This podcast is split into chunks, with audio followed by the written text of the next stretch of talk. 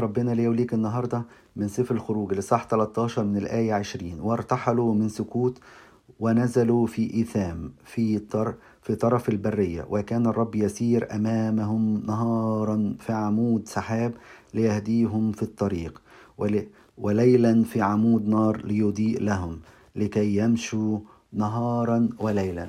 لم يبرح عمود السحاب نهارا وعمود النار ليلا من أمام الشعب. طبعا ال- الرسالة دي جميلة أوي أوي أوي. وهو وعد ليا وليك النهاردة ربنا بيقوله لك. بيقول لك أنا هكون معاك.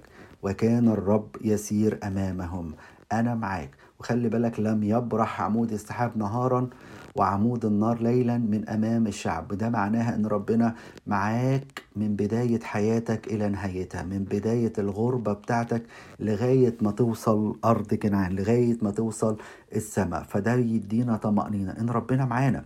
وهنا يخلي بالك السحابة هنا إشارة لعمل الروح القدس إن إحنا في غربتنا من هذا العالم وفي برية هذا العالم لغاية ما نوصل إلى كنعان إلى السماء هنكون مقودين بروح ربنا بروح القدس. عشان كده لازم كل يوم تقول له رب ماذا تريد أن أفعل؟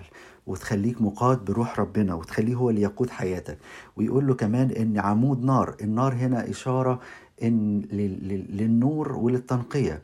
للنور عشان هيضيء لهم زي ما بيقول الكتاب ليضيء لهم. رب النار هنا هتنور لك الطريق اللي انت ماشي فيه وهتنور لك الضلمة بتاعت هذا العالم. وكمان النار هتنقيك من الشوائب اللي ممكن انك انت تتأثر بيها وانت ماشي في رحلة غربتك. ربنا يدينا كلنا ان إحنا نوصل أرض كنعان في معية الله من خلال السحابة ومن خلال النار. آمين.